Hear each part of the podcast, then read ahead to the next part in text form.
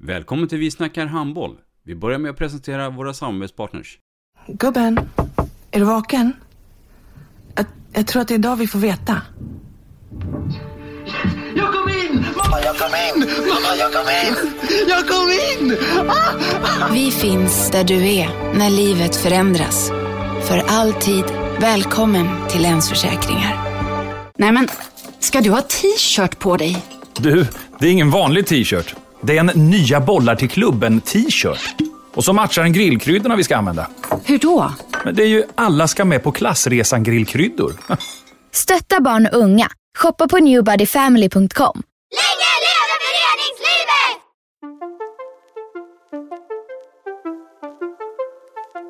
Välkommen säger vi till dig som lyssnar till den nya handbollspodden Vi snackar handboll med Robban Z och Dagge. Vi snackar handboll, där du får veta alla sanningar som du inte visste att du missat. Vi snackar handboll. Idag i programmet Vi snackar handboll så har vi en eh, tränare, men inte från någon av de stora städerna, utan vi har en från eh, Hälsingland, Dagge. Precis, vi har Magnus Delin här som har kämpat i motvind gentemot eh, övriga handbolls-Sverige i, under hela sitt tränarliv, tror jag. Välkommen Magnus! Tack så jättemycket. Magnus Delin, vem är det? Ja, det är väl en alldeles vanlig kille från en liten bruksort i Hälsingland ursprungligen som eh, började spela handboll som eh, nioåring i sockerplast och på tvären i lilla Ljusne idrottshall. Eh, där eh, många andra kända ledare som Lasse Kärnberg och med flera har, har sprungit och, och gjort eh, goda insatser på plan. Ehm, ganska tidigt så insåg väl Magnus Thelin att eh, det kommer inte finnas något lag för mig att spela med. För att eh, det finns i princip inga herrlag i Hälsingland. Så vårt lag kommer att läggas ner och helt plötsligt så var det ett tio, tioåringsgäng där, tjejer som blev lediga. Så att eh, då hoppade jag väl på det här med eh, ledarrollen och hade väl tur måste man ju säga. Det var ju ett ganska bra lag. Till slut så var det ju en av de spelarna som blev landslagsspelare 15 gånger och proffs i två länder. Det gjorde väl att man fick framgångar ganska tidigt och det som går bra, det tycker man ju är roligt. Så jag kom ju in på ledarspåret rätt tidigt och sen har jag ju nördat i det här i, ja sen jag var 14 år då. Mm. Så närmare 30-40 år då. 40 år Dina, snart. dina föräldrar och eh, resten av familjen, var de idrottsnördiga? Eller? Min far är ganska intresserad av idrott. Men eh, jag tillhörde ju en minoritet på den tiden som inte växte upp med bägge mina föräldrar. Idag så är det rätt många barn som gör det. Mm. Ehm, så min far och jag, vi träffas en gång i månaden, men vi pratar ju mycket idrott. Mm. Han har ju gett mig ett fint arv att jag håller på med Malmö FF i fotboll till exempel. Mm. Men ehm, i övrigt så var han ju inte alltid närvarande. Utan det, det har liksom varit ett eget driv det här för mig. Sen har ju resan gått vidare. Du har skaffat familj, du har eh, grabbar, men de håller inte på med handboll. Det finns ju inte den möjligheten riktigt i Hälsingland utan de har ju fått välja andra idrotter. Hur kommer det sig att eh, det finns ändå lite flickhandboll, eller ganska... Det finns några föreningar uppe i Hälsingland som har bedrivit en fin flickhandboll genom åren. Jag tänker på Arbro, Alfta och Strand och så vidare. Eh, Men mig veteligt så, jag tror jag aldrig under mina år, jag har hållit på med mycket ungdomshandboll, har mött ett pojklag uppifrån eh, Hälsingland. Ja, du har väl mött Strand skulle jag tro. Det, Ja. borde, det borde du ha gjort. Ja, Strand. Där har det kommit, ja. det fanns ju ett antal riktigt bra spelare i början av 70-talet framförallt med Patrik Holmström och, och Mm. Thomas Moberg och de spelar ju i dåvarande pojkarsvenskan och var ju skitduktiga. Ehm, så att det var väl inget dåligt Jag lag. tänker där runt Bollnästrakten. Nej, det försvann ju ungefär när jag kom upp som pojkspelare egentligen. Och eh, det är oerhört svårt att återskapa en verksamhet där man, där man då ska starta ett pojklag och så säger man så här, vi kom på en jättebra idé, vi ska spela seriespel. Vi ska till Avesta nästa vecka, det är 22 mil. Vi fixar skjutsa va? Alltså enkel då. Det är klart att det är, alltså när man väl tappar en verksamhet så är ju det en, en jättestor utmaning att få tillbaka den verksamheten. Det är, det är jättesvårt att komma tillbaka med pojkhandbollen i hälsan. Det krävs en stor insats och jag tror att det är en förbundsinsats som krävs för att det ska bli av. man gjorde ett försök här för några år sedan. Vi var ute väldigt mycket och vi, med handbollskaravanen och sådär. Och det gav en hel del effekt eh, där det fanns, eh, Ala IF har ju till exempel ett pojklag nu som, som eh, kämpar på. De har spelat i Stockholmsserien och de har rest hysteriskt mycket för att kunna hålla på. Men det, men det är klart att det krävs ju en jätteinsats av de här ledarna och av föräldrar för att det ska bli någonting. Och det är ju, det är ju tufft att liksom behålla det intresset hos de här pojkarna. Mm. Um, och det tänker jag också att nu när man har tagit en del väldigt spektakulära beslut från Svenska handbollsförbundets sida där man eh, har höjt senioråldern. Mm. Så att det har försvunnit jättemånga föreningar i det som var det numera gamla Dala Gävleborg då. Där man har förlorat liksom nästan en hel serie seniorlag, vilket slår igenom på ungdomssidan. Där fina föreningar som, som har jobbat jättebra länge har jättetufft på ungdomssidan för att det finns ingenting att se se upp till eller se fram emot som ungdomsspelare. Och då väljer man att göra annat istället. Det, det, det, här är ju, känner ju vi att det är liksom en hjärtefråga för dig lite grann. Eh, kan, du, kan du liksom förtydliga vad du menar här med att det har försvunnit serier och att det på något sätt har att göra med den här eh, höjningen i ålder? Ja men det är så här, det här är det som då storstadsregionerna eller förbundet framförallt har oerhört svårt att fatta. Men det är så att jag lyssnade på Kjell Windars eh, podd när han var med. Det var jättebra och det är oerhört intressant och man känner igen precis varenda del. Det enda skillnaden är liksom att hans bild ur ett Stockholmsperspektiv, där har vi samma huvudrubriker. Vi har samma bekymmer fast de ser annorlunda ut ute på landsbygden. I Hälsingland så ser vi har samma problem med hallar, vi har samma problem med att samarbeten inte fungerar. Vi har samma problem med eh, att spelare flyttar därifrån.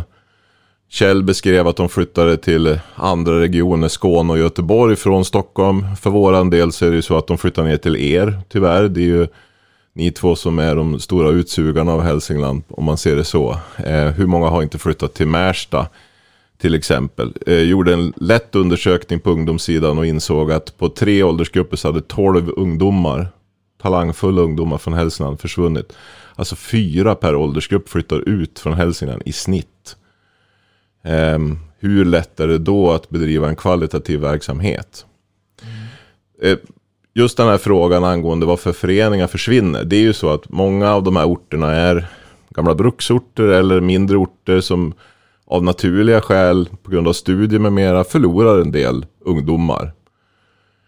De försvinner från orten och slutar spela handboll eller spela handboll någon annanstans. Ehm, sen är det ju det att Sen handlar det såklart om klubbarnas kvalitet. Men man måste också ha klart för sig att det finns ingen idrott som bara har bra föreningar. Tittar man på Sveriges största idrott, fotboll, så är det klart att det finns ett antal klubbar som är på ganska låg nivå. Och den här stora bredden, det är ju det man säger är fotbollens styrka. För oss i handbollen så är det ju så här att när man börjar förlora föreningar, eller seniorlag då, som som sen gör att ungdomarna inte tycker att just handboll är lika roligt. Och att man inte kan bedriva den verksamheten eller att det inte finns samma energi i den föreningen. Ja men då har man jobbet i föreningar som IFK Rättvik, Malung, IFK Hedemora, Gustavs, Hällbo, mm. Ala. Alltså det vi, vi räknade för något år sedan och fick fram att ungefär, ja det är en hel division 3-serie för gamla Dala Gävleborg som har försvunnit på grund av att man höjt den här senioråldern. För när man en gång i världen då kunde plocka upp de som var förberedda, som var något år yngre, då hade man ju fler åldersgrupper att tillgå till de här lagerna. Vilket innebar att det fanns ju liksom en klubbkänsla. Eh, att de här skulle träna för mycket eller träna ihjäl sig, nej det blir ju inte riktigt så, för de spelar ju mer eller mindre mot varandra då, på seniornivå. Och sen kan man ju flytta vidare jag ser inte det där problemet. Att man i storstadsregioner eller i större föreningar inte kan hantera det här med att stora talanger spelar i för många lag och så vidare. Det måste man kunna hantera på ett annat sätt. Vi har ju en EMP där man lägger in laguppställning varje vecka. Hur kan man inte lägga in att eh, ja, Robert Zetterqvist han får spela tre matcher på två veckor eller någonting. Det måste ju kunna begränsas så att det blir rödmarkerat. Nej men den här är inte tillgänglig idag. Den är inte tillgänglig i den här matchen. Det måste finnas en teknisk lösning istället för att man ska hålla på så här. För att det slår så oerhört hårt mot mindre föreningar. Jag förstår problematiken, eh, exakt vad du menar, att eh, man tappar seniorlag på grund av att man, är, man har så få seniorspelare eh, och att man är beroende kanske av att få plocka in en annan 15 eller 16-åring för att få ihop laget. Det är lite så du menar. Ja. Men jag, jag känner lite så här, kan man inte, kan man bara skylla på det? Eller är, är det, kan man inte skapa ett bredare och, och mer solidare fundament i ungdomsåren med större ungdomskullar? Eh, eller är underlaget på barn och ungdomar för litet helt enkelt? Det är klart att det, det ligger någonting i det och det är klart att det är så att, att föreningarna skulle behöva göra en större insats. Men alltså det som det, det här handlar om det är ju föreningar där inte den kraften finns. Alltså från mindre orter och man inte har Ja, och som du säger, det finns inte underlaget, men det är också så att man kanske inte som ledare orkar, orkar driva så engagerat som, som det krävs. Eh, men samtidigt så är det ju också så att då tar vi också ett antal beslut som försvårar det här för de här breddföreningarna. Alla kan ju inte vara Skåne eller Västerås Irsta eller Skuru eller Sävehof. Utan det är klart att handbolls-Sverige måste finnas mera för alla. Mm. Så är det. Samtidigt så är det ju så att alla har ju sin plats i näringskedjan. Eh, på något sätt. Många, som du säger Magnus, väljer ju att komma eh, i samband med gymnasieinträdet att, att flytta antingen till Märsta eller som eh, Källström flyttat till Göteborg som är så väldigt, väldigt duktig liksom och eh, sådär. Och, men såväl som vi i Märsta har ju också våran plats i, i, i näringskedjan. Att när, när våra spelare blir alldeles för bra, ja men då tappar vi dem till Göteborg. Men näringskedjan blir bara kortare och kortare, Dagge. Ja. Näringskedjan blir alltså mindre och mindre, så de här talangerna då, Linus Arnesson från Hedemora. IFK Hedemora, Hedemora. Om de nu inte har någon verksamhet längre, då kommer ingen ny Linus Arnesson från Hedemora. Är det det vi vill? Nej men hade alternativet varit att Linus Arnesson skulle stanna kvar i IFK Hedemora? Nej, det Då hade, hade det ju inte han Nej, men liksom- alltså det, det är precis som näringskedjan, precis som du beskriver. Det Ja. finns de som är så bra så att det är klart att de ska flytta. Amanda Källström som du pratade om alldeles nyss, det är klart att hon var så bra så att hon skulle in på Riks. Mm. Det var helt rätt för henne. Men spelare 2, 3, 4 i de här lagarna, måste de flytta?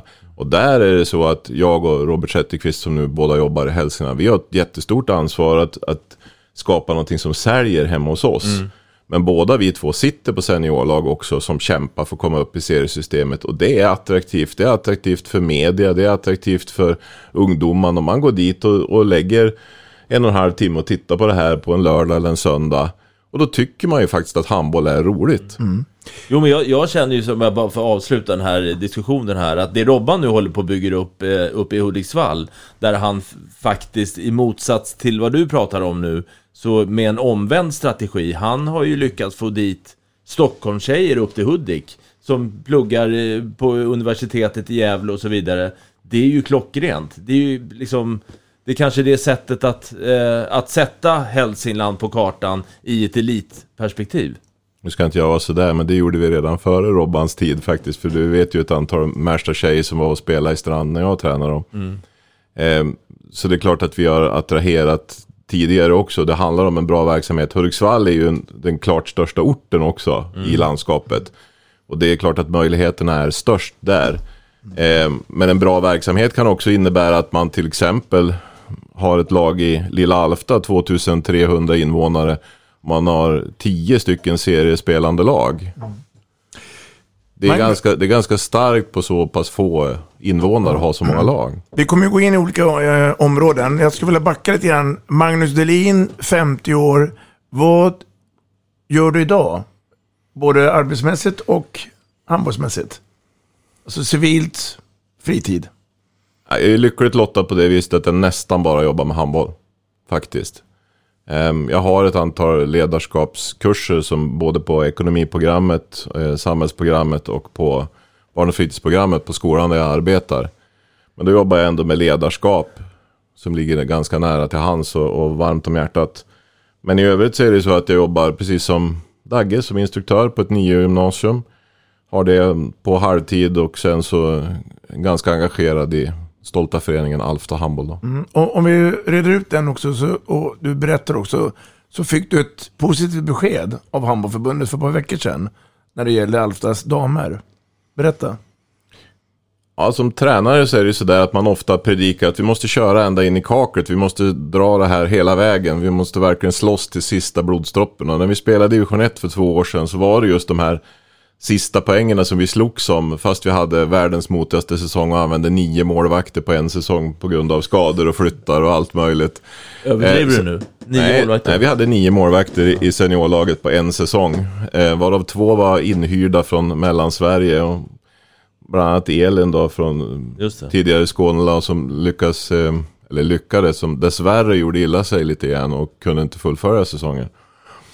Ehm, och, och de här sista poängerna som vi tog där i division 1, och, i och med att det blev ett coronaår och man tittade på senaste genomförda serier så var det det som gjorde att vi till slut faktiskt fick tillbaka vår division 1-plats. På grund av eh, urdragningar i seriesystemet. Du nämner handbollen varmt om hjärtat. Du har ju gått utbildningar. Du har gått mastercoach-utbildningen. Mm. Ehm, ändå väljer du att vara kvar i stora Hälsingland. Varför då? Det är av familjära skäl än så länge. Eh, Men det är väl eh, nära nu. Sonen går ut nian till våren och eh, sen så hoppas jag väl att det finns en annan framtid. Om vi skulle fortsätta prata om mig så är det ju så att jag har tränat lag på precis alla nivåer. Från bollskola, flickor, E-flickor, D och allt möjligt vad det som det hette förr. Ända upp till damallsvenskan. Eh, Så det finns bara en nivå som jag inte har provat än och dit jag jättegärna skulle vilja komma.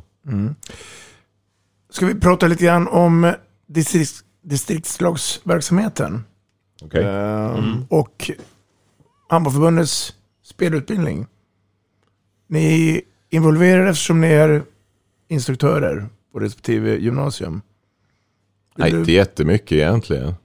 Nej, men eh, vi kan börja där vi vet. Vad vill du veta? Allt. Alltså jag tänker att det är så här att eh, blanda ihop väldigt många olika saker när du säger sådär. En sak är ju liksom vad förbundena, distriktsförbundena gör för spelarutbildningen.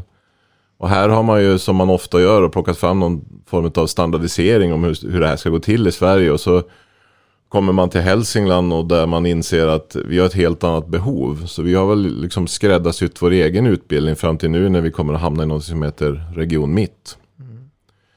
Ehm, jag har ju ofta sett det här som en, en chans att få många engagerade i handboll, att vara distriktslagsledare. Att få ungdomar eller framförallt flickor då, när de varit i Hälsingland. Alltså, att tänka att ja, men det här är faktiskt spännande, det här tycker jag är roligt, det här är jag egentligen ganska bra på, det här skulle jag vilja göra mycket mer utav och lägga kraft på. Att det är någon form av start på en framtida satsning på handbollen. Eh, sen har ju våra distriktslagsträningar i mångt och mycket handlat om grundteknik tyvärr. Och det är väl lite grann så det är, att har man föreningar som inte nödvändigtvis är jättestarka så får man ju starta där man befinner sig. Inne på lite distriktslagsverksamhet. Eh, vi, både Robban och jag bevittnade ju här för några år sedan 03-kullen. Mm. Eh, eh, men först och främst Magnus, så, så kan du på rak arm svara hur många, eh, hur många distriktlag för Hälsingland du har ansvarat för genom åren? Nej, jag tror att det är närmare tio stycken i alla fall. Ja. Det har varit liksom ett återkommande eh, del av ditt liv lite grann, eller tränargärning. Ja, Men- och ibland har man också tänkt så här att, och det här är det som vi pratade om alldeles nyss också, engagemanget, eh, ledarskapet och, och hur, ser, Drivet. ja, men hur ser det ut i föreningarna också? När man, man lägger jättemycket kraft på det här men det är dålig respons och, och helt plötsligt så, så ska man ha ett, eh, alltså man är överens med alla klubbledare om att man ska ha ett distriktslagsläger och så sen så, nej men vi kan inte då.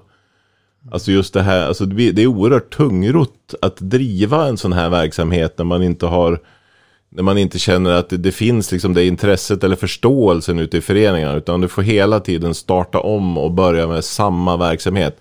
Så att det har funnits år också där jag totalt har tackat nej till att ha distriktslaget. Det måste jag vara ärlig och erkänna. Men det är klart att det är en fantastiskt bra möjlighet och, och redan 1993 så gick jag någonting som heter HTU, högre tränarutbildning och då skulle man göra ett specialarbete. Och då var jag till Norge och studerade liksom hur handbollen fungerar där och de pratade om lokal utvecklingsmiljö, ursäkta om jag säger fel på norska, men, men och regional, alltså där man hade liksom just det här med att man jobbar ju mycket mer kommunvis och eh, landskapsvis och hade mer utbyte och där man liksom från, från förbundshåll tillsatte instruktörer som kom och körde teknikträningar eller tematräningar med ungdomar och, och fick ju och såklart en helt annan effekt på det än vad vi har här. Och vi kommer liksom aldrig dit på något sätt känner jag. Det, det finns inte riktigt på agendan och, och, på många ställen i Sverige så är den här verksamheten så stark så det behövs inte. Men för oss som sitter lite mer ute i spenaten så är det så att ja, vi behöver ju mycket mer sånt här. Vi har mycket, mycket mer utbyte och vi behöver på något sätt ha en duktig instruktör som kan lära ut till ungdomarna. Mm. Jag menar för mig så är ju du, om vi pratar utbildning, så är ju du skulle någon, ja innan Robban flyttade upp till, till Hudik, skulle någon ställa frågan till mig, vem är Mr Hälsingland i handboll, så är det ju Magnus Delin för mig. Har det inneburit att du även har utbildat en massa ledare och tränare? Har du hållit kurser där uppe? Eller tvärtom? Har du tagit för mycket plats för andra? Ja, både och. Det tror jag. Ehm, jag vet att det har funnits eh, sådana synpunkter att man har, eh, att jag har tagit för mycket plats. Men samtidigt så när man släpper en plats så är det ingen som riktigt tar den heller. Utan då blir det ju som ett hål i verksamheten ibland. Och eh, alltså när man månar om spelarna och man ser liksom att ja, men det här fungerar ju inte. Det här laget kommer ju inte framåt eller det blir ju inget med det här distriktslaget. Ja men då tar man ju ett ansvar igen. Vilket ju är det stora problemet i mindre föreningar. Att det kan vara en person som sliter hårt och mycket. Och även i distrikt så blir det ju så. Eh, jag är väl säkert den meste ledaren kanske. Sen om det är bra eller dåligt, det får man ju jättegärna diskutera. Jag höll ganska mycket kurser förr i tiden. Mm. Eh, jag är fortfarande utbildad instruktör på, på tränarutbildningarna, men jag har inte fått något uppdrag de senaste åren. Nej, okej. Okay. Mm. Om du får drömma nu en bild och, och kort då. Eh, vad, vad, skulle du vilja att det händer det närmaste då? Om vi, om vi pratar då inom Dala-Gävleborg, eh, det distriktet, rent utbildningsmässigt. Och så man kan se ganska snabbt att här har hänt någonting. Ja, men alltså jag tänker att vi, eh, personer som du och jag som brinner för det här, vi behöver ju få, ta, få till att det blir mycket mer utbildning på plats hemma. Mm. Nu tycker jag att det finns en väldigt god ansats från eh, där man alltså i gamla Mellansvenska handbollsförbundet som nu blir Region Mitt har ganska bra tankar om hur man bedriver det här. Men det ställer också högre krav på ungdomarna. De ska anmäla sig till ett utbildningsläger och de ska resa till Falun. Och från Hudiksvall till Falun, ja det är en bit liksom. Det krävs en hel del att, att ungdomarna vill en hel del och att man ja, men som förälder liksom har, kan lösa det här. Har man då inte föräldrar som skjutsar dit, då kommer man inte med på de här utbildningslägren heller. Utan det är ju ett erbjudande mer eller mindre. Så hur når vi liksom ut till allihopa? Vi missar ju ett antal talanger om, om vi inte har om vi inte får dem på de här utbildningslägena. Men det är jättebra det som görs, absolut. Men hur ska vi då komma ut till liksom de mindre föreningarna? Om Gnarp startar ett tjejlag igen, vad, hur ska de liksom, hur ska man nå dem? Och, och, det är väl det här som är utmaningen, att man på något sätt behöver vara närmare varandra och ha ett, ett större utbyte närmare. Mm. Händer det att du får samtal, hej jag heter Kalle och skulle vilja starta en förening eller jag skulle vilja fråga om hur kan man göra med det här laget? Hur, hur ofta får du de frågorna? Alldeles för sällan. Ja. Det var väl, alltså Andreas Sunesson som eh, flyttade upp från Stockholm, bodde i Hälsingland några år som numera är assisterande är han väl i, i Skövde HF. Han mm. startade ju en liten förening uppe i Ljusdal. Mm. Och även några år tidigare så startades det en förening i Ljusdal. Som fanns i en två, tre år. Men som dog ut. Um, men det har funnits liksom bra ansatser flera gånger tycker jag. Till att bredda handbollen i distriktet. Mm. Men vi är för dåliga på att ta hand om det här och att lösa liksom. Mm. Jag sitter och lyssnar på er två och, och, känner så här att du har varit liksom Hälsing, Hälsinglands starka galjons figur utåt och nu har Robban kommit till uppe i Hudik, eh, Strand och du har varit i Strand tidigare eh, ett par sessioner. Eh, jag känner så här en fråga till er. Kommer ni två samarbeta? Eller är ni bittra rivaler? Både och. Ja, men Vi det är ska- väl, vi- det vi är väl en bra spela- vi ska ju- sammanfattning. Ja, men vi ska ju spela i samma serie. Det är ju klart att vi ska tävla.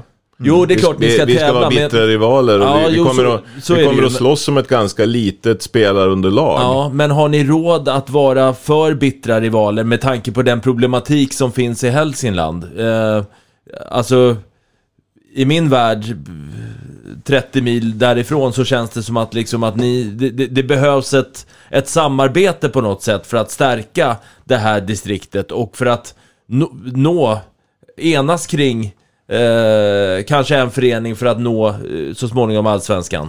Jag- Kanske ännu högre. Jag svarar gärna på det här till att börja med. Eh, Det här med samarbeten var eh, återigen Kjell Windahl också inne på. Jag vet inte vad jag står i den här frågan. Jag har varit en av de som har slagits hårdast för samarbeten i Hälsingland. Det har funnits så många olika försök till samarbeten. Det har varit mellan Ala och Strand, det har varit mellan Ala och Hällbo, det har varit mellan Hällbo och Arbro, det har varit mellan Arbro och Alfta, mellan Edsbyn och Alfta. Um, och um, jag vet inte någon egentligen som har haft ett lyckligt slut. Utan snarare så att det här har skapat ganska mycket problem. Jag tror man måste hitta en annan form än att, att liksom samarbeta på det viset.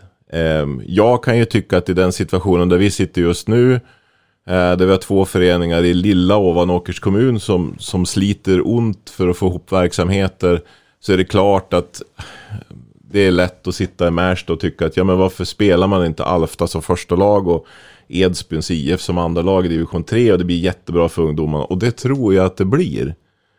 Bara man är överens om spelreglerna och att, att liksom, som i all verksamhet, att man går igenom vad målet är, vilka värderingar som gäller och sen är ju det stora arbetet att hålla sig till värderingarna.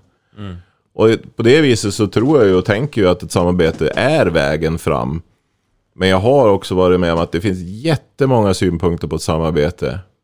Ja, innan du kommer in Robban, så jag, jag, jag hör vad du säger och jag, jag håller med i viss mån, för jag har också sett en massa samarbeten.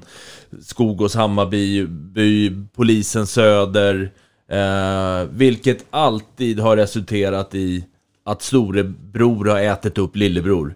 Eh, den ena, den mindre föreningen har dött på sikt liksom. Eh, det jag menar i ett större perspektiv, det är att Hälsingland, det, det, det känns lite sprött och det känns lite bräckligt. Och det är mycket motvind. Eh, nu är ni två starka här uppe, som skulle kunna göra någonting tillsammans. Kanske. Och det, och det tror jag är vi på väg. Om vi, om vi börjar med den första grejen, så eh, när det, ursäkta, mm, ska vi säga nu, det, när det gäller det sportsliga, bort. så tycker jag att vi, vi ska vara eh, rivaler och fienden, för då är det två olika saker. Men ehm, vi har ju pratat med varandra rätt många gånger och vi är helt överens om att vi behöver bli flera i distriktet. Och vi har ett projekt nu där vi ska försöka se om vi lyckas. Och jag tror att med Magnus kunskap och med min kunskap så kommer vi lyckas. Och det är för att få, få fart på handbollen i Gävle. För när man passerar E4 och förbi Gävle och vet att det var mästare det här på 80-talet och nu är handbollen i centrala Gävle död. Det gör ont hos mig och det vet jag, det, det gör även hos Magnus också. Där tycker jag vi två kommer kunna göra mycket för Hälsingland och Gävleborg. Kanske li- lite grann de, den typen av samarbete som jag är ute efter här, att, att liksom stärka distriktet. Mm. Inte att du i smyg ska ringa till, till Delins bästa spelare och försöka värva till Strand. Det, det är inte den typen av samarbete jag är ute efter, utan just det här du säger, att skapa nya plattformar eh, för handboll. Och, och det var ett tydligt eh, dialog från Strand att vi, vi ska inte röra varandra. Däremot kan man lyfta frågan och fråga hur tänker ni i det här fallet? Men att, men att ringa till någon eh, från grannklubben, det, det är inte aktuellt enligt Strand och deras syn på det hela. Fast det gör ni ju. Men ni är ju ärliga med det, så att det är ju ingenting konstigt med det. Utan så ser det ju ut. Det, det kan man inte hålla på och springa och gnälla över att man är intresserad av att... För bara för några veckor sedan så spelade ni en högre serie än vad vi gjorde. Så att det är väl inget märkligt att ni ringer till en eller två spelare hos oss. Eh, det får man ju liksom ta. Det är ju en del av spelets regler. Men, men jag tänker att samarbete skulle kunna innebära så mycket annat. Eh, jag satt, eh, vi var i Katrineholm. Det var jag, Robert Zetterqvist och Andreas Stockenberg som satt där i fikarummet. För de hade ett sånt här ledarrum där på eh, Sverigecupen, eller om det var JEC-cupen som fanns några år. Och så diskuterade vi det här med hur många, hur många större ungdomskupper åker ett ungdomslag från Allingsås, tror jag att Stockenberg var i då, på per år. Ja, jag skulle gissa att de snittar på fyra, säger Stocken. Ja, det skulle jag också gissa, sa jag. Hur många åker ett lag från Hälsingland på om man räknar större ungdomsturneringar? Ja, en på sin höjd. Um, hur ska de här få en vision om hur man ska bli bra? Hur ska de här ungdomarna kunna tänka att det här är vad jag vill satsa på? Nej, men då flyttar man ju till Märsta. Men är det Eh, inte bara anmäla sig till fler turneringar då? Jo, men alltså det handlar ju om ekonomi och så. Men, men samtidigt, här skulle man ju kunna skapa ett mycket större samarbete. Varför kan inte vi resa tillsammans, sänka kostnader och på något sätt liksom skapa en större vision av det här? Att åka på fler stora turneringar, att skapa fler möjligheter. Eller att åka med på något sätt gemensamma lag. För att ha liksom slagkraftiga lag kanske i vissa sammanhang. Eller där man har 6-7 stycken juniorer i den ena föreningen och man har något liknande i den andra föreningen. Där skulle vi kunna göra en jätteinsats. Ehm, och på det viset så behöver ju inte det på något sätt eh, på samma sätt som återigen Vindar pratade om. Team Stockholm var ju egentligen en tanke om att det var två föreningars eh, ungdomsspelare som skulle liksom matchas in mot högre nivå när man hade det, det laget för att sen kunna gå vidare till en högre nivå. Ja, där behöver vi ju verkligen skapa den här visionen som man känner att ja, men det är någon som ser mig, det är någon som bryr oss om vad vi håller på med. Och, och just det här med att, att, ehm, ja, men att få en framtidsvision hos de här unga. Mm. Du inledde ju tidigt i programmet här Magnus att, att eh, eh, lite över utflyttningen till handbollsgymnasier. Bland annat vårt eget här i Märsta och, och även till andra. Eh, hur stoppar man den utvecklingen? Går det att stärka anseendet på ert eget eh, uppe i Bollnäs? Ja, alltså när man intervjuar de här, eller frågar, inte intervjuar, men frågar de här ungdomarna om varför de flyttar så svarar ju liksom åtta eller nio av tio att ja, det beror ju på liksom att det är mycket bättre förening där. Alltså det handlar inte, eh, och då har jag ju varit att andra får ställa de här frågorna så att det inte är jag som gör det, utan att de där de då på något sätt ärligt svarar om vad det här beror på. Är det så dålig kvalitet på ett gymnasium i Bollnäs? Nej, det är det ju inte. Det är ju samma kvalitet eller i vissa mån eller vissa hänseenden bättre kvalitet kanske än andra gymnasier. För att det finns, vi har en stor friidrottshall, vi har jättebra träningsmöjligheter och så vidare. Det är, är jättebra så sett. Eh, men vad är det som, som eh, är problemet då? Jo, men alltså känner man att de här kommer att lägga mycket kraft och, och liksom satsa på vårat lag och ge mig den utbildningen här hemma? Kommer jag få spela? Eh, om man åker till Märsta då kanske man har chansen att gå och få spela steg fem och man får åka på Partille Cup och grejer. Och när åkte ett lag från Hälsingland på Partille Cup? Ja, jag vet ett lag som har gjort det och det är 02-03 från Strand som har gjort det. Det är det enda laget som jag vet som har spelat i, i världens största handbollsturnering. Eh, ja, det är ganska visionslöst. Är inte det? Eh, det är klart att vi har ett jättearbete att göra här. Hemma. Så är det också. Jag kan ju tycka Men- att det är jag- märkligt när jag sitter och lyssnar på dig Att det är ett enda lag att spela Partille Cup Mm. Du nämner kostnader Men det är inte så mycket dyrare för er uppe i Hälsingland att åka till Partille än vad det är för oss från Märsta Jag, jag tror att det handlar om vision, gemensam målbild med föreningen och engagemang. Eh, till saken hör ju också att Strands åker ju tidigare till Sundsvalls Cup, eh, Irstablixten eller eh, eh, Kopparcupen i Falun. Och det är ju nära. Och det är, då möter man de här lagen i den här regionen då. Ja, återigen Varför tar man inte språnget att, att åka lite längre söderut och få chans att möta ett jättebra lag från Danmark, från Norge, från Östeuropa Liksom snacka om att vidga vyerna mot att Men- åka och spela, inget ont om Kopparkuppen eh, Men att spela ytterligare en match mot Hedemyr, Hedemora eller Alfta Alltså visst det är roligt det är med, men ni förstår vad jag menar Du har helt rätt Dagge. Det är precis det här som, som jag också vill prata om. Att när jag kom till Alfta så var min första fråga, men varför ska vi göra det här? Alltså vad har föreningen verkligen för vision? Jag, jag måste berömma Strand. Det, det är ingen tillfällighet att Strand är det bästa laget eller har varit de senaste åren i Hälsingland. När jag kom till Strand då fanns det en jättetydlig bild om vad, vad, vad min uppgift var. Eh, man kunde jättetydligt berätta att det här vill vi ha ut av det här. Vi vill att du utbildar spelarna så här. Och eh, det ska skapas en, en bro fram tills dess att vi får upp vårt nästa stora, våra nästa stora ungdomskull. Alltså Flickor 0203. Det var min uppgift. Det var supertydligt. Sen var det just den här frågan om senioråldern som gjorde att det tog längre tid för de här att bli senior, alltså seniorspelare. De fick ju inte bli det förrän de blev 17 då. Eh, så det tog lite längre tid än vad som var tänkt. Men det kunde man inte direkt påverka från föreningen. Men det intressanta är att det fanns en vision. Det fanns eh, målsättningar. Man var tydlig med att vi vill se hur bra det går att driva den här damverksamheten. Eh, se hur långt man kan komma. Vi kom till damallsvenskan. Det är rätt okej okay första resultat där uppe. Och sen har man ju legat kvar på en hög nivå och jobbat vidare. Ehm, det finns andra föreningar som man dyker upp i och så säger de så här. Ja men vi vill ju ha handboll här på orten. Ja men det är ju bara att slänga in en boll brukar jag säga. Så kommer det ju någon som spelar handboll. Då behövs ju inte jag. Nähä, vad menar du med det? Ja men vad ska vi göra för något? Alltså, vad är målet? Vad är uppgiften? Och det är här någonstans det, det, det brister. Vi skulle åka till Lundaspelen i fjol. Det är inte så många lag som, som eh, tar emot F19-lag nämligen. Och i Lundaspelen gör man ju det. Nu blir ju det inställt. Men då när vi jobbade för att åka till Lundaspelen så satt det, var det en eh, styrelseledamot som sa så här, men du vet inte, kan Alfta åka till Lund eller? Mm. Varför kan inte Alfta åka till Lund?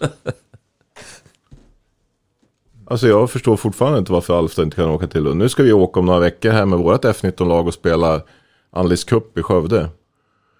Och då, ja det är klart att det är anseendet motstånd där. Vi ska möta Ajax Köpenhamn och Önnered och Skövde HF. Och det är klart att Alfta är inte riktigt på samma nivå som dem. Men hur ska vi bli bättre om vi inte åker dit och, och kanske får lite stryk? Mm. Om vi nu får stryk. Mm. Hörrni, ska vi gå in på ett, ett annat ämne. Och det är ju spelarutbildning inom svensk handboll. Som ni eh, jobbar med i princip dagligen. Eh, är vi på rätt väg? Gör förbundet rätt? Eh, kopplar man ihop det här med distrikt och rikslägesutbildningen så ska ni ta hand om det även på dagtid. Jag kastar upp lite bollar och får se var de landar. Du ska få ett jättekonstigt svar från mig. Jag har ingen aning. Eh, och det beror på egentligen att ju längre ut som man kommer i verksamheten desto mindre närhet har man ju liksom till det som är den egentliga planen. Um, det är ganska få egentligen av förbundskaptenerna som verkligen engagerar sig i hur det ser ut. Alltså ute i, på nio gymnasierna. Patrik Svarven gjorde det. Och vi hade en träff i Bålänge. Och där han upptäckte en del talanger egentligen. Vi samlade alltså. Det var ju gymnasierna från Västerås, Bålänge och Bollnäs som var där då. Och han åkte väl runt på fler orter vad jag förstod. Och, och besökte de här och gjorde liksom ett, ett riktigt arbete och berättade vad han tyckte och tänkte och vad han ville. Eh, och den tydligheten har väl inte alltid funnits. Så är det ju. Sen har ju vi nio lärare våra fortbildningsdagar varje år. Eh, och liksom den rollen och vad nio gymnasierna ska göra, den är väl ganska tydlig. Det kan jag tycka. Mm. Jag tycker att förbundet gör ett jättearbete där. Och jag tycker också att, att förbundet, alltså Svenska handbollsförbundets ideologi om varför de här nio gymnasierna finns eh, i grund och botten är rätt. Mm. Sen är det så att det är klart att verksamheten på ett gymnasium i Bollnäs gentemot hur det ser ut på Polhem i Lund, det är inte samma sak. Verksamheten där nere i, i Lund eh, finns det liksom personer runt omkring verksamheten som ibland tycker att Nej, men det här blir för mycket. Vi har så bra verksamhet i klubben. Ja, det kanske man har. På samma sätt som i fotbollen, alltså där det och i hockeyn där det finns akademier som tar över allt mer och liksom just nio gymnasierna inte det. Alltså det är inte den enda vägen för dem. Men där finns det ju så starka organisationer. För våran del och för de eleverna som vi har uppe hos oss så är ju det här guld värt. Många... Så, du, så du känner att det är, ett, det, det, är viktigare egentligen på de små orterna med nio gymnasium än i Lund, Partille? Jag ska, inte sitta, jag ska inte sitta här och, och, säga att jag vet det eftersom jag inte har varit på, på något av de större gymnasierna. Men jag ser ju värdet att ha ett nio gymnasium eller olika typer av handbollsgymnasier i Hälsingland och på sådana här orter. I Härnösand för all del. Det betyder ju jättemycket för de här ungdomarna. Är alla verkligen redo att flytta vid den här åldern? Passar alla på rätt sätt? Nej. Nej, jag håller med. Det är många kloka synpunkter här. Har det skett någon förändring tror ni om vi sitter här om en fem, sex år när det gäller spelutbildningen? Det är klart att det har. Det förändras ju hela tiden. Så det är väl självklart. Alltså det enda som är konstant är ju förändringen. Ehm, jag och Dagge vet ju inte om vi har våra gymnasier kvar. Ehm, hur verksamheten där får bedrivas då vid ett senare tillfälle. Eller hur det nu är. Skolan görs om med jämna mellanrum eller ojämna mellanrum om man så vill säga. Har ni fått någon indikation på, jag tänker på den här nya gymnasiereformen, eh, när riksgymnasiet tas bort och det blir färre nio-gymnasium och så vidare? Nej, det har väl ingen egentligen. Men det är klart att man kan misstänka att, att eh, gymnasier som eh, Bollnäs och Härnösand och kanske Borlänge är hotade. Eh, är det bra? Är det bra för svensk handboll att det blir på det viset? Lyssnar man på dig så är det, vore det ju katastrof. Ja, det tror jag att det är faktiskt. Man får ju hoppas att... Om man nu kan använda ordet katastrof när vi bara pratar om handboll. Men, men för, för själva handbollen så är det ju liksom ett väldigt hårt slag. Det är jag helt övertygad om.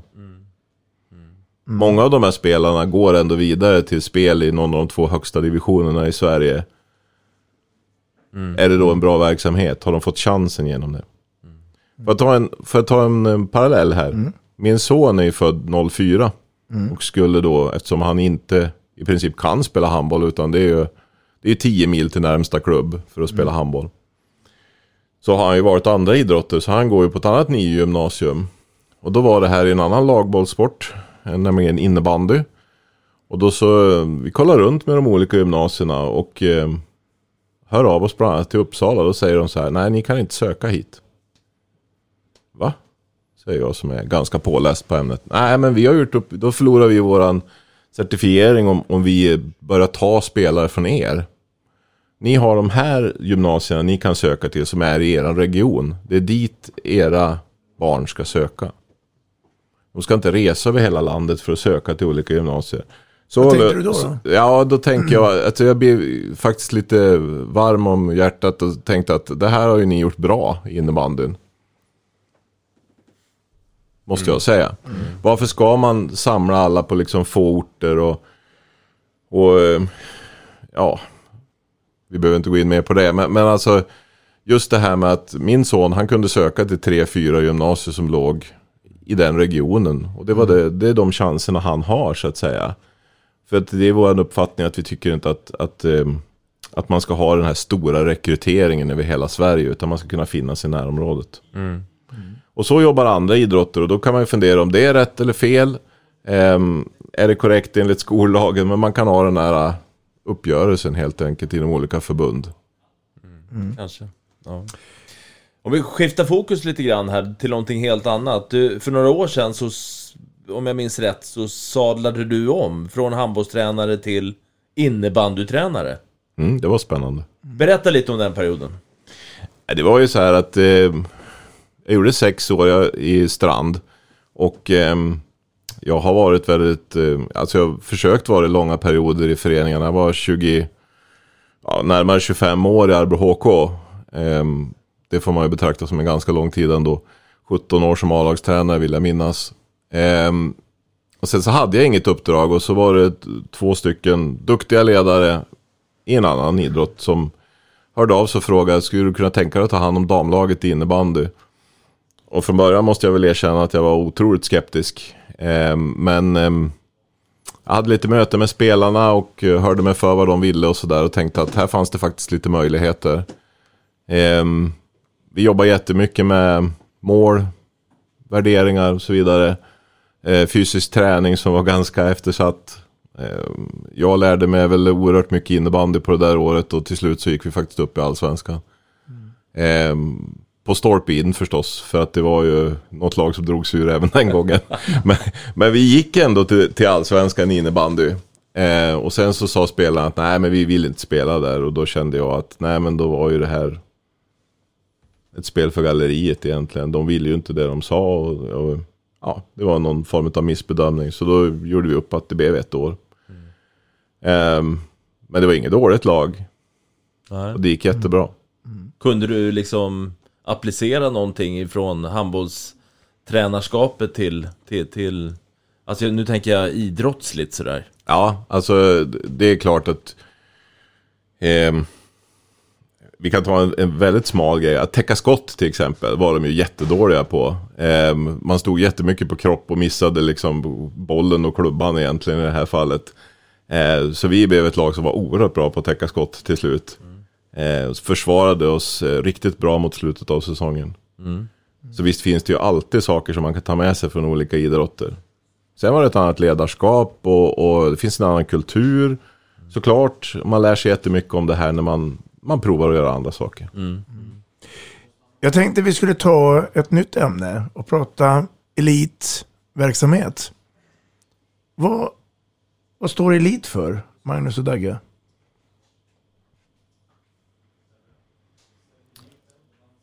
Nej, jag tycker att det står för den här, alltså det det handlar ju om en... Det handlar oerhört mycket om energi och eh, seriositet. Alltså det, det är ju planerings och prioriteringsfråga. Jag hävdar att, att elit handlar oerhört mycket om mentala aspekter. Och jag kopplar in det då, för att för mig är elit seniorverksamhet. Ja, fast det kan ju vara seniorverksamhet i division 7, fotboll är ju inte elit. Eh, Nej. Jag tycker att elit för mig, om jag bara ska nämna en enda sak, det är att försaka en massa andra saker i livet. Alltså att vara så dedikerad, att, att lägga så mycket tid på det här som jag håller på med. Eh, så att jag måste försaka annat. Jag håller inte med. Alltså han har ju rätt i det han säger, men att måste försaka annat. Ehm, du tycker att du har varit, bar, varit bort jättemycket i ditt liv alltså, för att du har varit elittränare i Nej, men handboll. jag, jag tänker från en, eh, en seniorspelare som, eh, som eh, eh, eller elitspelare som inte kan gå på sju bion in i Stockholm en tisdag eller inte kan gå på den här konserten som jag skulle vilja göra på torsdagen för att jag måste träna. Det är lite så jag menar. Det, det är elit för mig. Eller skulle du som elittränare, Magnus, acceptera då att Dagge ringer och säger jag vill gå på den här konserten. Jag kan inte träna ikväll. Nej, det skulle jag säkert inte. Men, men samtidigt så, så kan jag också tänka att, att det handlar ju liksom om att, att elitverksamhet, det är ju att man är så beslutsam i varför jag håller på med det här. Så att jag vet att det här går först. Och då tänker jag att jo, det vore kul att gå på den här konserten, men nej. Det här är ju viktigare för mig. Att jag har den, liksom, det är mycket det här det handlar om. Ehm, vi pratar jättemycket på gymnasiet om det här, de olika stegen i beslutet liksom fram till att det här blir en livsstil. Att man, eh, alltså, inte bara har sagt att ja, men jag är beredd att göra det här, utan man verkligen har bestämt sig. Om ni har lyssnat på till exempel Rodan Andersson, cyklist. Så sa han någon gång i en tv-intervju att Alltså jag har hört så många grabbar som berättar att jo men jag skulle ju cykla det här idag men du vet det regnar ju så det sket sig så att det blev ingenting. Jag tror inte man blir världsmästare om man inte kan träna för att det regnar sa Rodan Andersson. Och det är lite det det handlar om. Vad står det på träningsschemat idag? Vad är det jag ska göra för någonting? Det, Har jag det är lite jag- det jag menar Magnus, att, att, att eh, regn kontra den här bion som jag vill se, att träningspasset måste göras i alla fall. Eh, det, det är lite liksom det jag är ute efter, så att egentligen menar vi nog samma saker tror jag. Absolut, men, och det jag tänker är att vad, vad menar vad menar en elitspelare? Eh, tänker de verkligen att det här är en uppoffring? Eller är det så att en elitspelare, de lever ju bara i det här, de ser det inte som en uppoffring. Nej, nej. Om, om vi lägger in elit och ledarskap. Båda ni två är ju ledare för herrar i Rimbo i, i Dagges fall. Och du Magnus i Alfta för damer. Spelar ni på samma spelplan eller är det helt olika världar? Jag, jag har ju svårt, jag har ju svårt, Rimbo är ju en speciell förening på, på väldigt många sätt sådär, men jag har svårt att jämföra hur, eh, hur verksamheten ser ut exakt i detalj uppe i Alfta. Så att eh, jag, har, där, där får jag nog passa tror jag, faktiskt. Ja, jag har inte haft herrverksamheten så att jag kan inte jämföra med det på det viset. Men jag tänker att, att eh, den här hängivenheten, att man, när man får en grupp som är överens om att man ska dra åt samma håll, och man verkligen går all in på den uppgiften som man är överens om. Eh, när du kommer till den punkten, då spelar det ju ingen roll egentligen var du befinner dig. Nej. Och jag kan också uppleva att i många fall så kan tjejer, damer vara nästan mer hängivna än vad killar, herrar kan. Mm. På det viset att man kan verkligen gå all in på en uppgift. Eh, vi skiftar fokus igen. Eh, du verkar i södra Norrland. Eh, Norrlands fönstret i damhandboll var lite på glänt i några år via Boden. Nu är de nere igen. Jag tänker på SOE kontra, alltså yppersta elit. Eh, när får vi se ett lag från södra Norrland eller längre norrut att på lite längre sikt öppna det här fönstret på vidgavel? Och vad krävs det?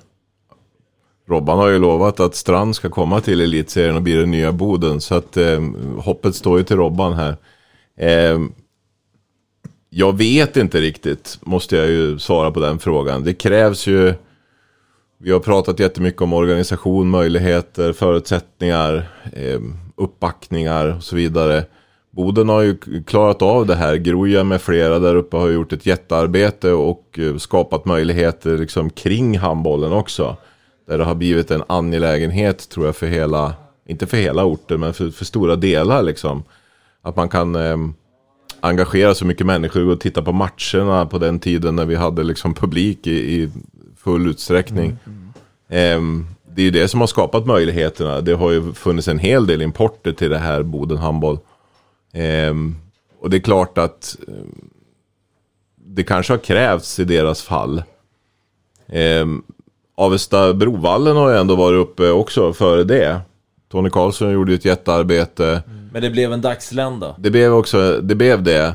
Ehm, och jag tror på något sätt att, att det som är viktigt i de här sammanhangen, det är att inte bara liksom laget går upp. Utan hela föreningen går upp, eller liksom nästan att, att handbollen runt omkring kliver upp en division. Att man inte liksom, ja okej, eh, Avesta Brovallen var på elitnivå, men det var ju inte liksom, verksamheten runt omkring var inte beredd på det här. Och då blir man ju, då hamnar man ju i den situationen. Sen har Boden löst det på sitt sätt. Är det Boden vi ska hoppas på? Nu pratar jag lite längre sikt. Är det där förutsättningarna och de ekonomiska musklerna finns? Ni ser ju inte med Magnus tänker just nu. Nej, alltså jag, jag menar att faktiskt att förutsättningarna finns och fanns i Hudiksvall också. Och det gör de i ganska hög utsträckning. Det finns ett antal väldigt starka spelare runt omkring. eh, verkligen levande näringsliv där uppe. Och ehm, en attraktiv ort. Definitivt. Eh, Strand har jättefina förutsättningar att lyckas med. med det finns mycket hallar, det finns eh, skapligt med folk ändå som bor runt omkring Hudiksvall. Eh, det finns stora industrier, det finns eh, starka it-bolag och så vidare. Jag tänker nu under det här pandemiåret så har ju liksom en, en trend i samhället är ju utflyttningen från storstäderna. Eh, jag, jag tänkte faktiskt komma till det. Även där har ju Hudiksvall lyckats jättebra. Ja, jag satt, och, jag satt och lyssnade på att Trosa kommun är Mm. den kommun i Sverige som procent, procentuellt sett har ökat mest. Det är närheten till Stockholm, man kan ha kvar sitt jobb i Stockholm, men man bor och jobbar hemifrån i stor utsträckning eh, i den lilla kommunen. Är det samma sak i Hudik? Ökar befolkningen? Ja. Som jag har uppfattat det så är det Ja, så. och ja, och ja. Det, det, är en, eh, det är en tillresande eh, kommun och stad. Så att eh, man har ju sagt att det ska vara 50 000. 2050. Och så vad är det nu? 28. Det är väl lika många som i Skövde, är det inte det? Ja, typ. Ja, precis. Och varför skulle inte det gå? Egentligen. Om vi tänker i ett handbollsperspektiv. Ja, all, allt är möjligt. Och jag håller med eh, Magnus att eh, Hudiksvall har alla förutsättningar. Det gäller bara att vi ska enas åt eh, ett gemensamt eh, arbetssätt och, kunna gå vidare. Borde inte ni två egentligen samarbeta? Alltså vara i samma förening? Det kanske är en, det kanske är en, eh, en möjlighet. Jag ser ju Magnus som både som en god nära handbollskollega och en konkurrent. Men jag gillar ju konkurrent. Jag, jag gillar ju att det finns två sidor. Eh, Men jag gillar också att man kan lyfta på luren och säga att grattis, du var bättre idag. Vet du vad jag saknar allra mest? Eh, egentligen. Det är ju det här eh, fenomenet att det finns ingen att prata med. Ehm, Där jag- du befinner dig. Ja, men alltså, ja precis. Alltså det, fi- det finns ingen att prata handboll med. Alltså när, när jag gick på mastercoachutbildningen så, så pratade jag med Thomas Axnér och så säger han att det är ju ett oerhört ensamt arbete att vara hammarstränare. Så tänker jag det, hur, ursäkta uttrycket, men hur fan kan du säga det Axnér? Du sitter ju liksom med så oerhört mycket kompetenta människor runt omkring dig och i Lund och överallt. Men jag förstår ju vad han menar. Jag förstår ju definitivt vad han menar. Att det är, man står där ensam med besluten och man får stå för sina beslut och så vidare. Eh, men just det här att kunna resonera kring olika lösningar av ja, men vad som helst. Eh, sex mot sju, sju mot sex. Eh, och sitta och rita och tänka och jobba tillsammans.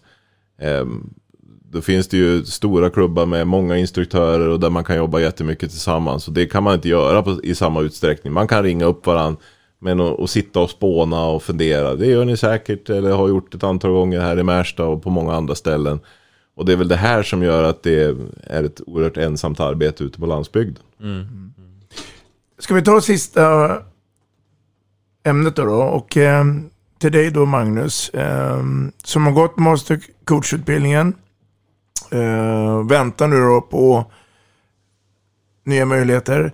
Vad, vad, vad, vad vill du helst av allt nu de närmaste åren av ditt ledarskap? Är det att lämna Hälsingland och hitta en elitklubb?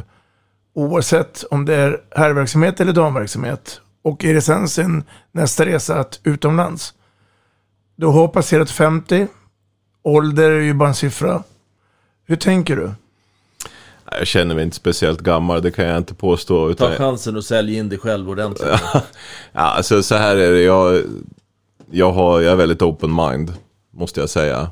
Eh, jag är helt övertygad om att eh, chanser kommer att komma och på något sätt. Och, och det är inte det att man liksom bara ska sitta och på något sätt sälja sig själv eller önska att det är någon som liksom hör av sig. Utan chanser, eh, de får man inte utan de tar man.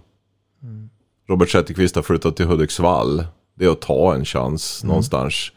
Ehm, jag förstår att du visste vad du skulle göra men, men eh, samtidigt så, eh, så var det väl lite grann sådär att, att ehm, ja, man får bygga det själv på något sätt va.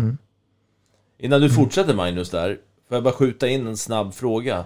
Blev du jävligt överraskad när du fick reda på att Robban skulle flytta upp till, till Hudik? Jag sa för några veckor sedan att eh, när de frågade mig, hade ni det här på känn att Alfta skulle få tillbaka sin division 1-plats? Nej, det hade jag inte. Jag såg inte det komma faktiskt. Och det är ganska sällan som det är så att det slår ner en bomb på det viset. Eh, att Robban flyttade till Hudik, det var också en bomb för mig. Det hade de lyckats hålla tyst om oerhört bra, måste jag säga. Blev du glad? Ja, alltså äntligen kom det in en, en handbollstränare utifrån. Det är väl jättebra. Eh, mer sånt liksom. Så det är bara, vi väntar ju bara Robban och jag på när Dagge Lundin ska liksom flytta till Järvsö. Det är ju, det är ju nästa projekt i Hälsingland. Så det är ju det är bara en Ska- tidsfråga. Skaffa ett boende nära Harsa så kommer jag direkt. Kan jag åka längdskidor på vintern. Det vill säga mitt ute i bushen. Ja, det ordnar vi. Vad gör Magnus Delin om fem, sju år tror du? Jag tror att jag jobbar med handboll eller med ledarskap. Alltså i organisationer på något sätt. Vi, vi pratade tidigare om att eh, NIU kommer eh, att eh, skolan förändras alltid.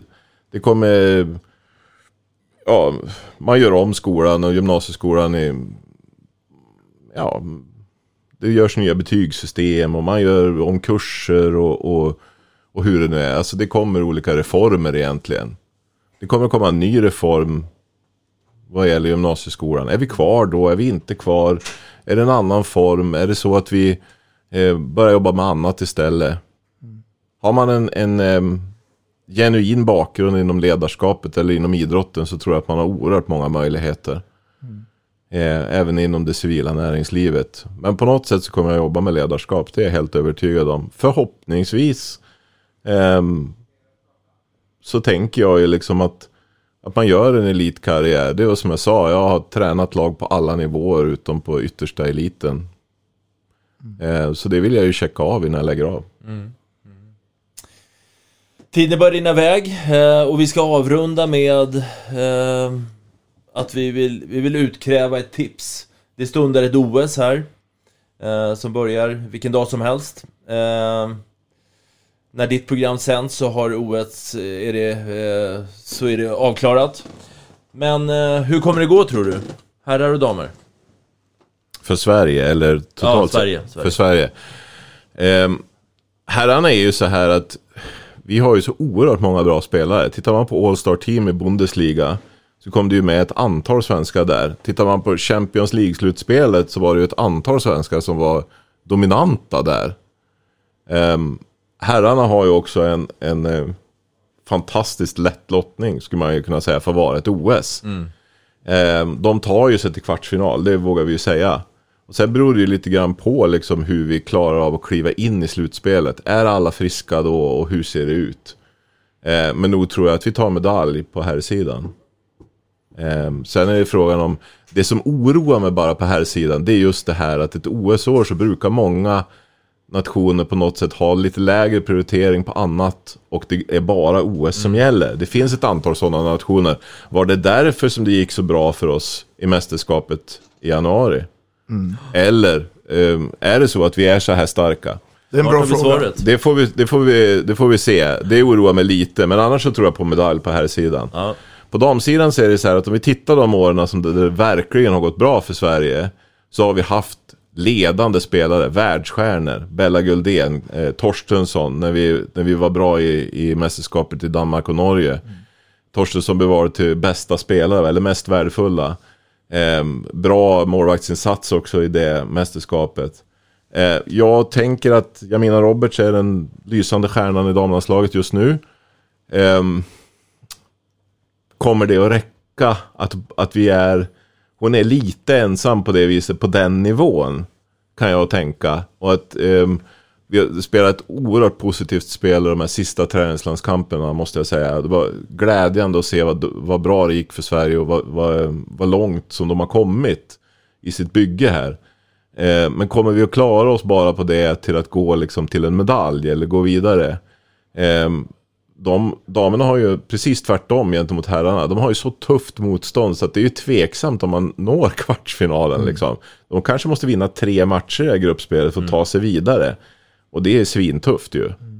Ehm, så att de... ehm, jag tror att det blir hårt sett över en, en eh, sån här lång turnering. För att de kommer att ha tuffa matcher hela gruppspelet.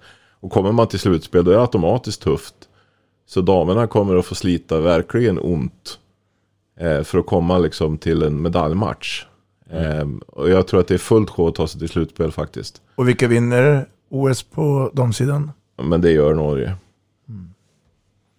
Magnus Delin. Det är eh, stopptid. Tack så mycket för att du var med oss här på Vi snackar handboll. Ja, tack Magnus. Det var intressant att ta del av dina eh, tankar om handboll i stort och Hälsingland i, i smått. Så att, eh, lycka till i division 1 med Alfta i år och eh, hoppas att du når det här uppdraget som du strävar mot på sikt. Tack. Tack så jättemycket grabbar.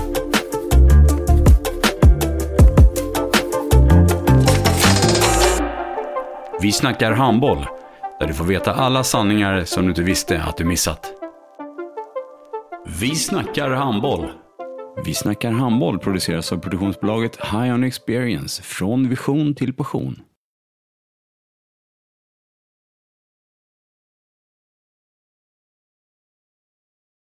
Ett avslutande tack till våra samarbetspartners. Hallå! Kommer ni eller? Ja, ja. Har du sett mina ankelsockar? De här? Nej, nej, jag menar skridskoslip till juniorlaget Ankelsockarna. Ja, men kolla bredvid träningsläger med handbollstjejerna-t-shirtarna. Stötta barn och unga. Shoppa på newbodyfamily.com. Länge leve föreningslivet! Gubben, är du vaken? Jag, jag tror att det är idag vi får veta. Mamma, jag kom in! Mamma, jag kom in! Jag kom in! Ah! Vi finns där du är när livet förändras. För alltid välkommen till Länsförsäkringar.